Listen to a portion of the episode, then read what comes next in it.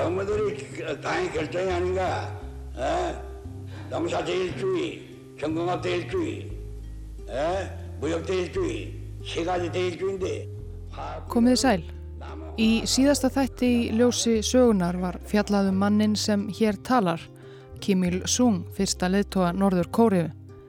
Kim ólst upp á miðstjættarheimili þegar Kórea var á valdi Japana, heitlaðist ungur af kenningum Karls Marx og gekk til liðs við skæruliða sem börðust gegn japanskum yfiráðum. Í setni heimstyrjöld rökklaðist hann á flótta og gekk í sovjaska herin. Þar vakti hann aðtikli sovjaskra stjórnvalda í stríðslokk þegar Japanir voru sigraðir og Kóriuskaganum var skipt í tvent millir hinna sigursælu Sovjet og bandaríkjamanna. Sovjetmenn vantaði þá tröstan mann til að stjórna þeirra hluta, norður hlutanum og það var Kim Il-sung sem hrefti nossið. Kim þessi átti þó ekki alltaf eftir að fylgja Moskvu að máli. Til þess var hann líklega fljótt of hrifin af völdunum sem hann fekk upp í hendunar. Völd sem hann notaði aðalega í eigin þáu og meðan norður kóriskur almenningur hafði það ömurlegt. Ágæti hlustandi í þessum þætti verður fjallað meira um sögu norður kóriu og um arftaka og són Kim Il-sungs Kim Jong-il og þá hryllilegu hungursneið sem brast út á valdatíð sónarins.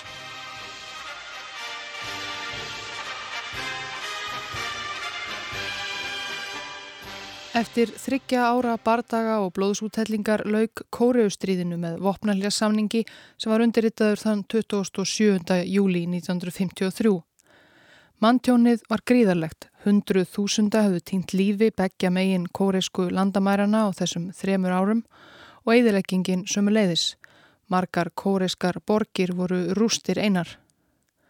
Kóruuríkin 2 í norðri og suðri tóku nú til við að endurbyggja bæði byggingar og efnahag sem hafði sömu leiðis farið út úr stríðinu.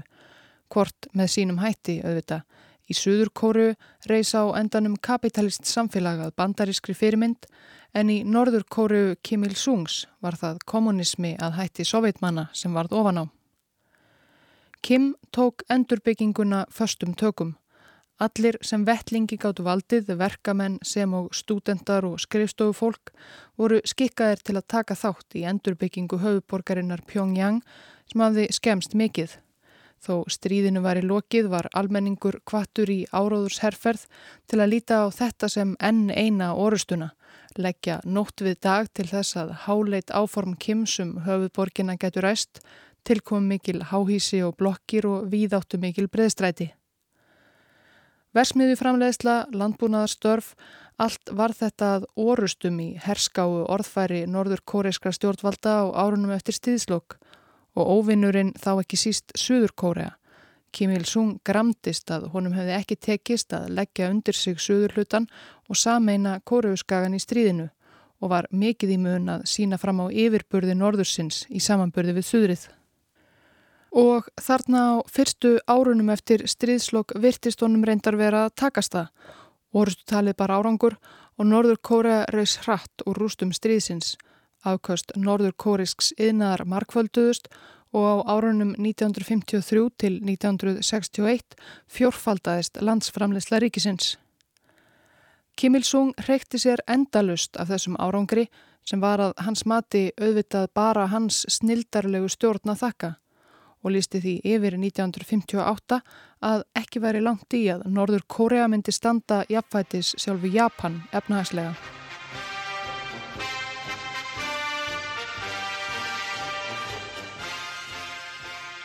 Í Suður Kórea og kannski ekki síst í Washington höfðu menn svipaðan metnað og Kim Il-sung. Það er að skara fram úr hinu Kóreauríkinu og sína þannig og sanna yfirburði hins kapitalíska kervis. Vandin var að það gekk ekki alveg að vel hjá sunnanmönnum. Í Suðurkóru varð alls ekki sama efnahagsundrið þrátt fyrir að velgjörðarmenn í Washington dældu þangað peningum. Á sama tímabili og landsframleiðsla Norðurkóru fjórfaldadist stóð landsframleiðsla Suðurkóru svo gott sem í stað.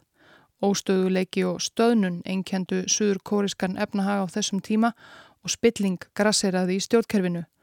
Bandarískir stjórnarerindrekar skrifuðu yfirbóðurum sínum örvæntingarfullir að lífsviðhorf Suður Kóruumanna á þessum tíma engendust af vonleysi. Þetta þótti stjórnvöldum í Norðurkóru ekki leiðinlegt að verða vitni að og Kim notfærði sér efnahagsvanda grannríkisins óspart. Hann bauðst til að senda matvæli og neyðaraðstóð til Suðurkóru, taka að sér Suðurkóriska munaðarleysingja og ráða atvinnulösa Suðurkóru menn til vinnu. Áróðurinn hafði áhrif. Á árunum eftir stríðslokk flutti mikill fjöldi kóruumanna búsettir Erlendis aftur heim. Flestir frá Japan þar sem lengi hafa búið kóruumenn en flestir átt erfitt uppdráttar sætt fordómum og kúun af hendi Japana. Þeir voru ánægðir að sjá kóruuskagan lausan undan japanskum yfiráðum og vildu taka þátt í uppbyggingu hans.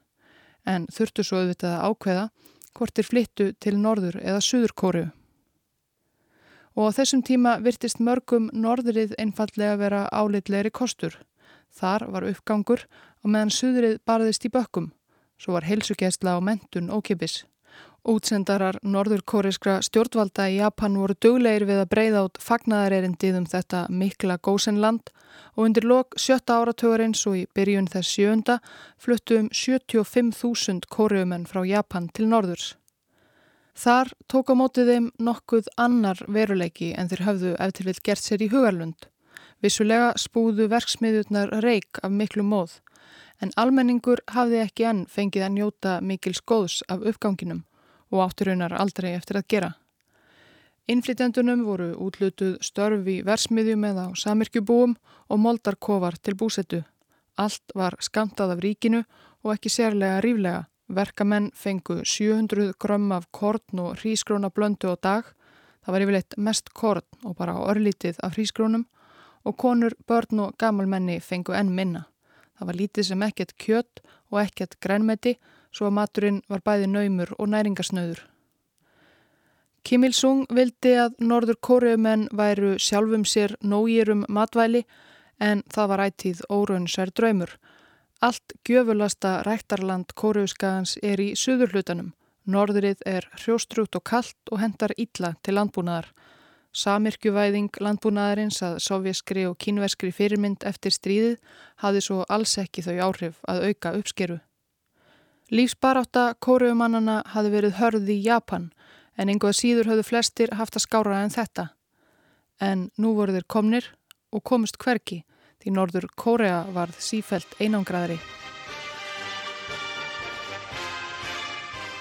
En flestir þegnar Kim Il-sung sögðu aldrei ferðast út fyrir Kóreusgagan og hvað þá búið í Japan eða nokkur staðar annar staðar og þekktu ekki annað en erfiða lífsbaráttuna í hrjóstrugum norðurhlutanum. Á tímum Japana hafi ástandið verið mjög sleimt og margir kótbændur lapið dauðan úr skell. Svo þó Kim hafi skamtað hrískrónin naumt voru matargjafir hins ofinbera vissulega viðbreyði fyrir marga fátækustu norður kóruumennina, breyting til hins betra. Og þegar Kim Il-sung reykti sér ofinberlega af undraverðum árangri og snilligáfu og kallaði ríkisitt paradís á jörðu, þá trúðu honum margir trúðu sömuleiðis hinnum stigmagnandi áróðri að Kim Il-sung væri eini maðurinn sem mögulega geti farið með stjórnir ríkisins, ekki bara stjórnskörungur heldur einnig göfugur og góðhjartaður ofurmenni meðal manna. Heili kórisku þjóðarinnar hjarta hennar viska og samviska eins og einn háflegur áróðurskrýpend lístiði.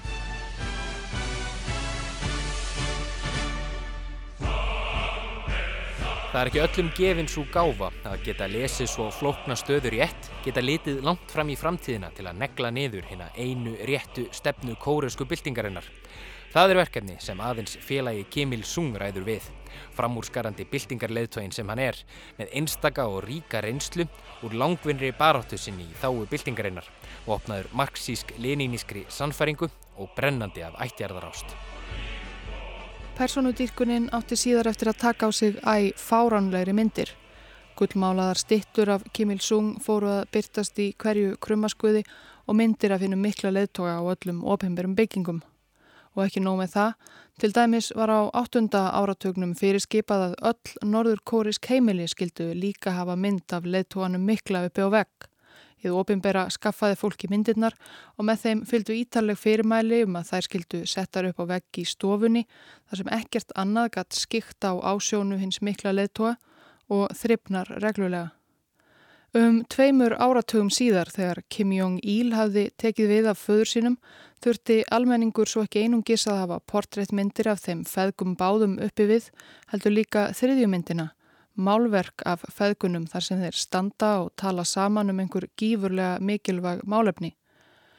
Myndirnar eru dýrmætustu eignir hverjar fjölskyldu, það er að segja að mati stjórnvalda, eiginlega eins konar helgigripir sem ætlast er til að fólk passi upp á með öllum leiðum. Haustið 2007 leku mikil flóð Norður Kóriu grátt einu sinni sem oftar. Norður Kóriskir ríkisfjölmiðlar sögðu þá frá verkamanninn okkurum í borginni Ítsjón. Þegar heimili hans var um það bylað fyllast af vatni, greipan það dýrmætasta sem hann átti. Fimm ára gamla dóttur sína annars vegar og myndirnar af Kim Il-sung og Kim Jong-il hins vegar en þar sem hann var að brjótast út yfirbugaði vasselgurinnan.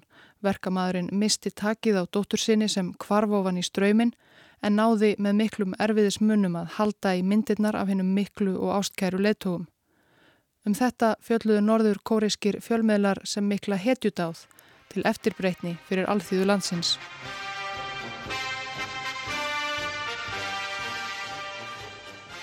Eins og fjallað var um í síðasta þætti hafðu stjórnvöld í Moskvu valið Kim Il-sung til að fara fyrir stjórn Norður Kóreu með Sovjetríkin sem fyrirmynd. Kim sjálfur hafi verið sendur á fund Jósef Stalins til að fá samþykki hans til starfsins og Kim leitt ætið á Stalin sem mikinn bandamann sinn og fyrirmynd í stjórnarhátum. En Jósef Gamli sapnaðist til feðra sinna í mars 1953 og við tókum miklir umbróta tímar í Sovjetríkunum. Á februar kvöldi 1956 helt eftir maður hans Nikita Khrushchev leini ræðu sína frægu á 20. þingi soviska kommunistaflokksins í Kreml og þuldi langan lista óhæfuverka Stalins. Í kjölfar leiniræðunar hófst Khrushchev handa við að reyna vinda ofan af glæpum Stalin-tímans og draga úr þeirri kúun og leindarhyggju sem höfðu enkjent stjórnarhætti forvera hans. Í Pyongyang fyltist Kim Il-sung með þessu og leist ekki á blikuna. Allt talum einhvers konar umbætur og breytingar var Kim ekki að skapi. Hann stjórnaði að stalinískum sið og stundaði flest það sem Khrushchev hafði gaggrínt í ræðusinni og var ekki beint á þeim buksunum að gera breytingar þar á. Jável þótt ætlast væri til þess að fylgiríki Sovjetríkjana breyttu eins og Moskva. Nei, alls ekki. Kim brást við með því að gefa í.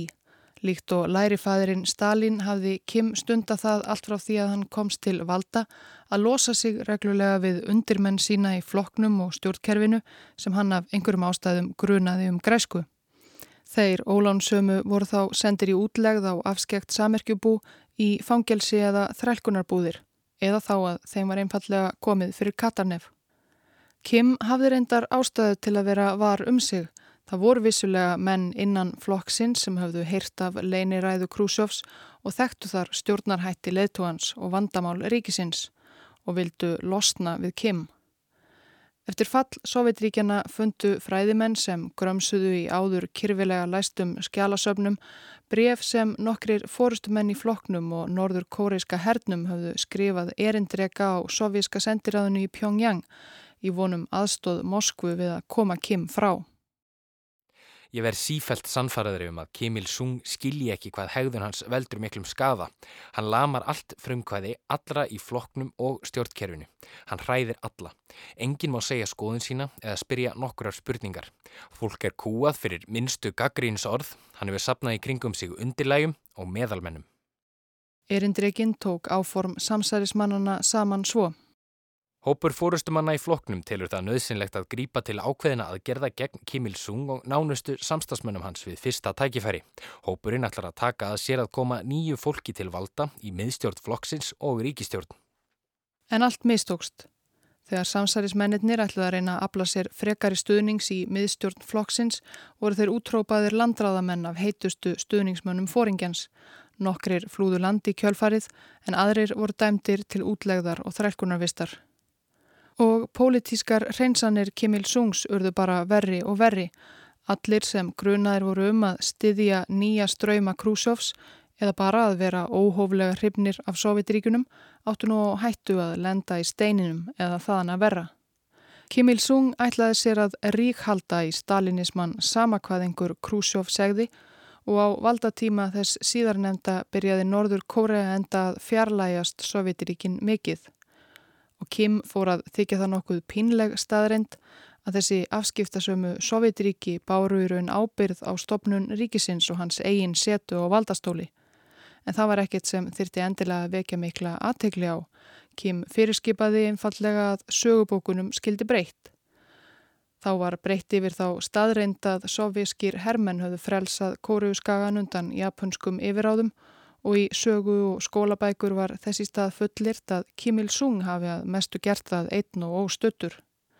Ekki þótti heldur lengur við hæfi að minnast á 5 ára tvöl Kims í Sovjetríkunum á stríðsárunum nýja það að sonur hans og arftaki Kim Jong-il hefði verið fættur í Sovjetríkinum.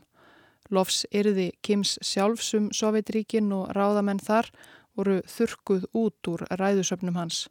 Hætt var að sína sovjískar kvikmyndir í kvikmyndahúsum og rúsnenskar bækur voru fjarlægðar úr bókasöfnum. Stittur af Stalin gamla fengu þó yfirleitt að vera á sínum stað. Norður kóreiska efnahagsundrið, eins og einhver bjart sítn hagfræðingur á Vesturlundum hafi kallað það á fyrstu árunum eftir lok kóruustriðsins, endist ekki lengi. Þegar kastaðist í kekkimilli Norður kóruumanna og ráðamanna í Sovjetiríkunum vildi Kim treysta sig í sessi með því að byggja upp herr ríkisins og það gerði hann sannarlega.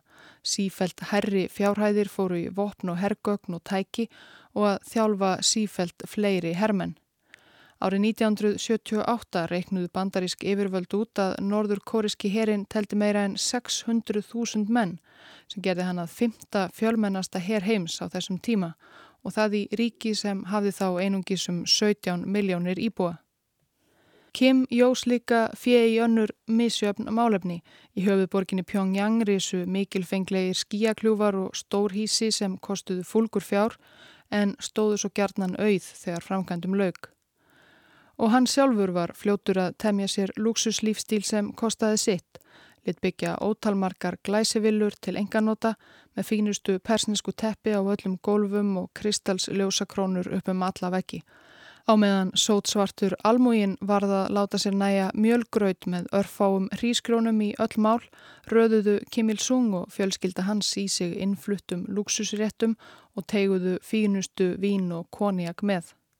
Kim laði líka á tímabili mikið upp úr því að kaupa sér nýja vini í alþjóðasamfélaginu með því að gefa ríkulega í fjárhagsaðstóð til þróunarlanda í þriðja heiminum.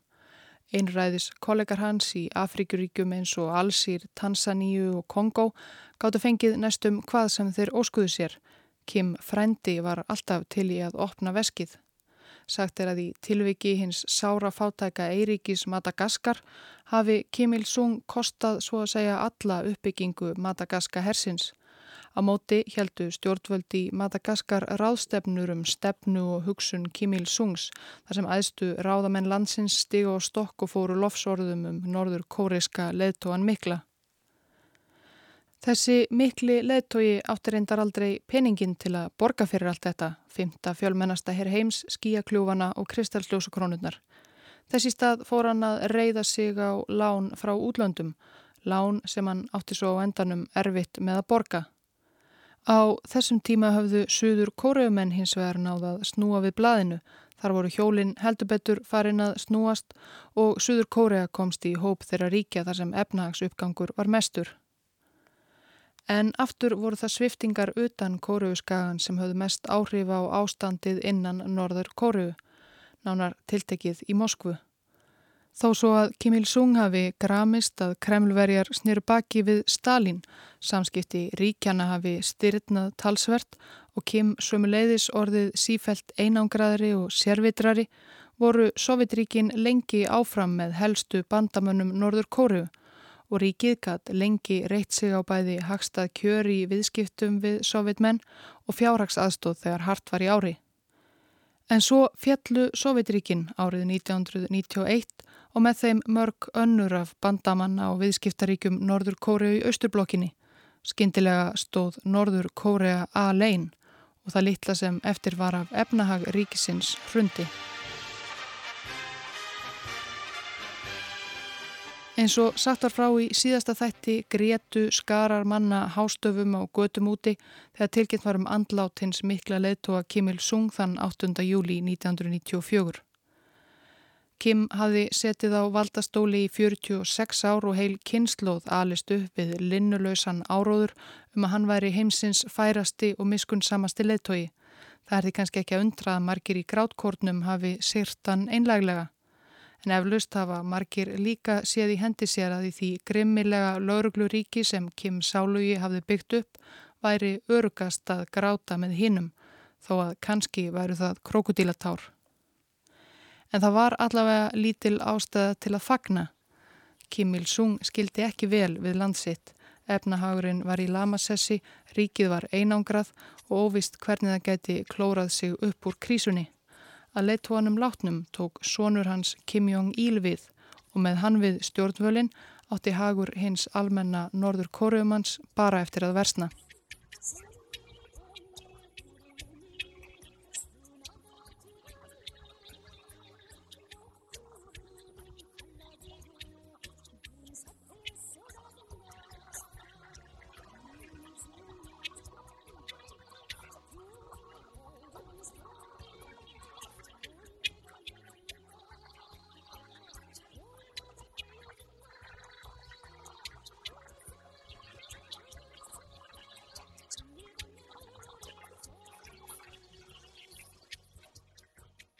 Við heyrum norður kóriska stuðsveit flytja eitt af óteljandi fjörugum áróðurslögum um hinn ástkæra leðtoga Kim Jong-il en sonurinn fekk ég mitt titilinn Ástkæri leðtogi svo að enginn rugglaði honum nú saman við föðurinn sem var og er titlaður hinn mikli leðtogi. Í læginu er meðal annars líst fæðingu Kim Jong-il sá tilþrefa mikinn hátt.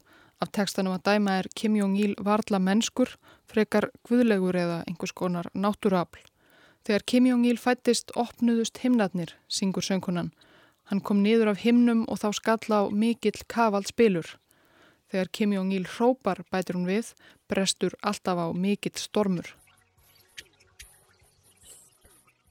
Þetta er frekar dæmigjörð frásögn af fæðingu Kim Jong-ils samkvæmt söguskoðun norður kóriska stjórnvalda en eins og við heyrðum í síðasta þætti var tilkoma Kims yngri í þennan heim reyndar ekki alveg með þessum hætti.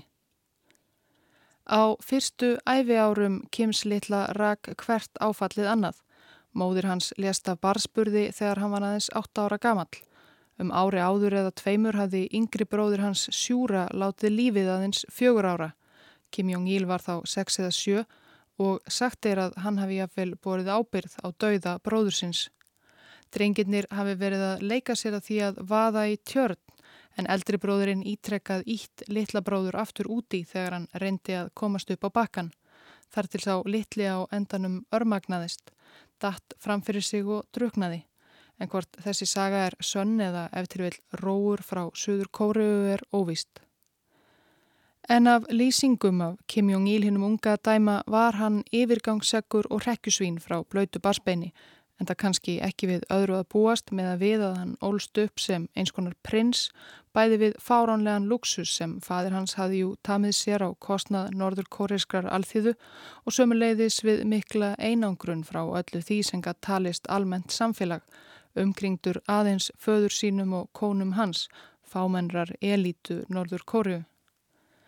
Kim Jong-il gekk í fínustu skóla yfirstjættarinnar í Pyongyang og eitti frítíma sínum í að keira bíla sína á móturhjól hratt eftir breyðstrætum borgarinnar. Þar sem ávalt var lítil umferð en það bifræði eigna færi fára borgarbúa á þessum tíma. Samkvæmt ofinberri æfisögu Kim Jong-il var hann afbörða námsmaður og fekk hæstu engunir í öllum fögum. Þar að auki var hann afbörða íþróttamaður í einstaklingsýþróttum sem og hópsporti og spilaði listilega á öll helstu hljóðfæri. Þetta er kannski eitthvað örlítið íkt. Sankvæmt skólafélögum leðtóhans tilvonandi var hann raunar ekkit sérlega áhuga samur námsmaður. Hann hafði meiri áhuga á áðurnemdum hraðakstri og að hanga heima og horfa á bíómyndir. Ofur áhugi Kims á kvikmyndum og kvikmyndagerðir vel þekktur. Sagt er að hann hafi átt um 20.000 vídeospólur og DFT-diska, mikið af því bandarískar aksjónmyndir sem voru annars bannaðar í Norður Kóriu. og hann hafði um árabil umsjón með kvikmynda eðnaði ríkisins, sá sjálfur um framleiðslu ímissa mynda og skrifaði bók um kvikmyndalistina. Þegar honum fannst þegnar sínir lélegir kvikmyndagerðamenn með að við kollega þeirra hínum einn á kóruðskaganum lit kem svo ræna einum helsta leikstjóra Suður kóruðumanna og neytti hann til að gera fyrir sig áróðusmynd eftir áróðusmynd.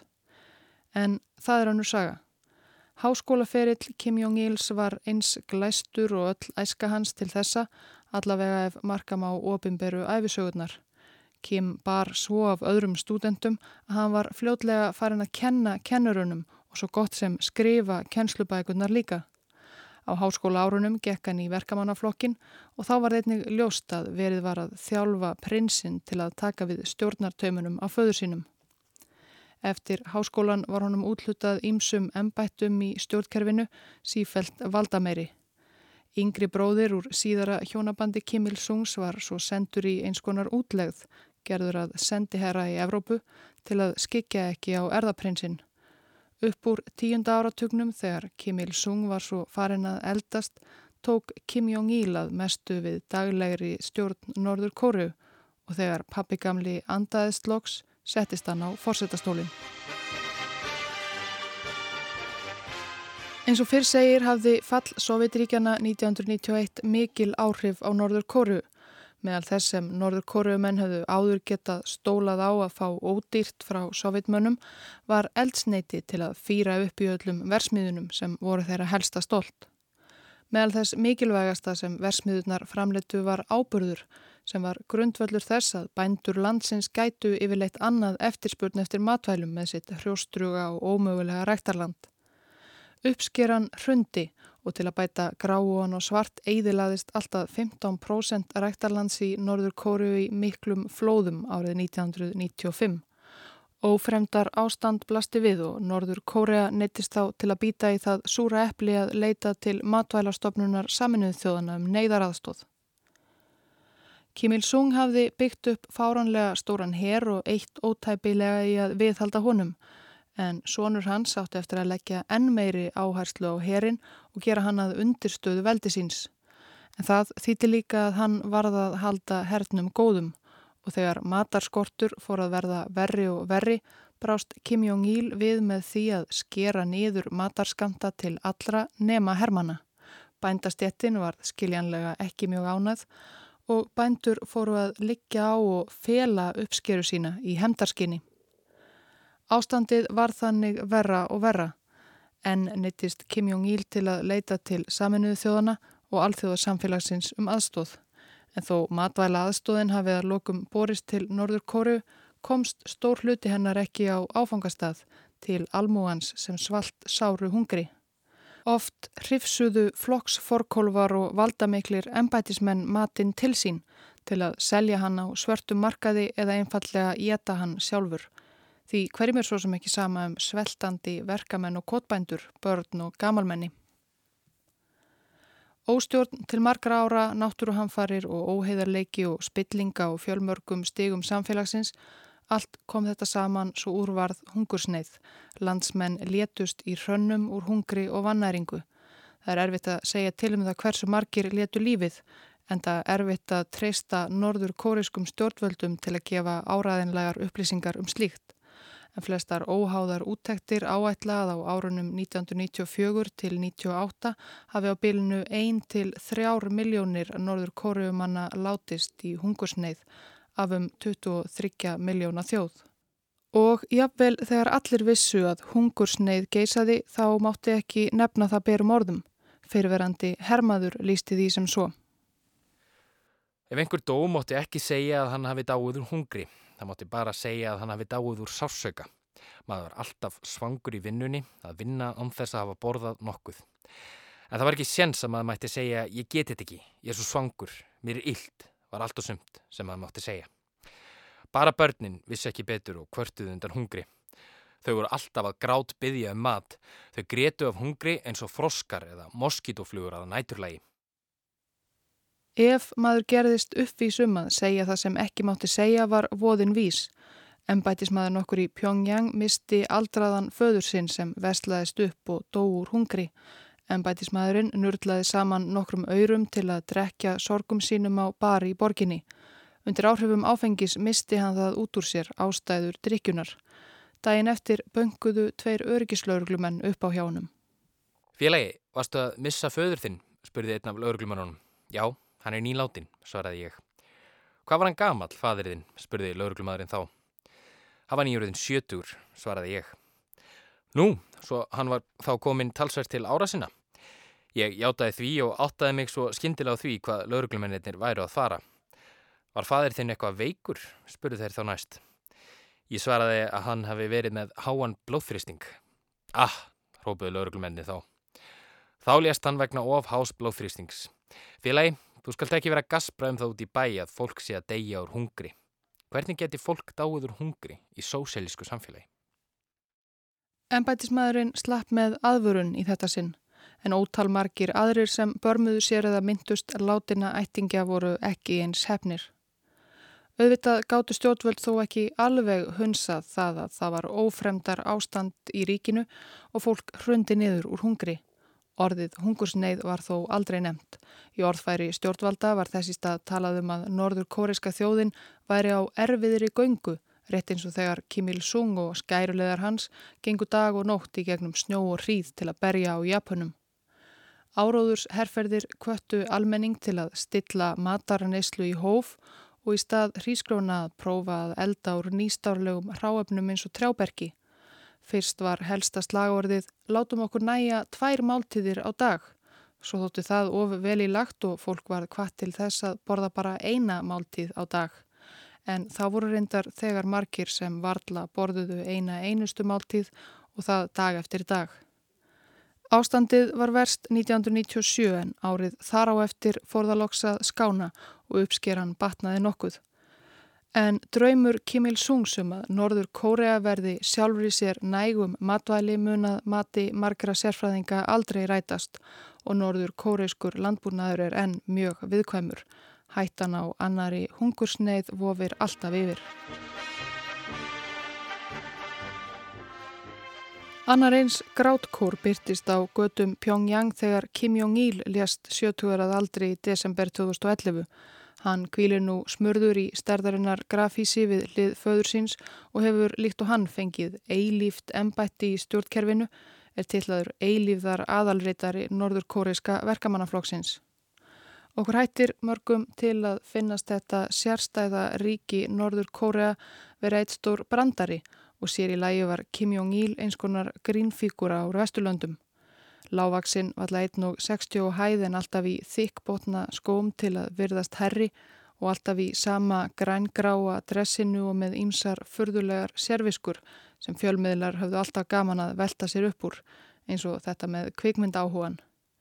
En hann var auðvitað aðalega miskunarlaus einræðisherra rétt eins og fadir sinn, eflaust verri ef eitthvað og bar ábyrð á dauða fjölda fólks, meindra óvinna sinna sem hann vildi losna við og almennings sem svalt vegna óstjórnar hans. Eftir dauða hans tók svo ennið Kimin við, sonur hans Kim Jong-un. Erfitt er auðvitað að spá fyrir um framtíð Norður Kóru en fátt sem bendir til annars en að Kim þriðji eigi eftir að sitja sem fastast um hríð Norður Kóriskum almenningi til Aman.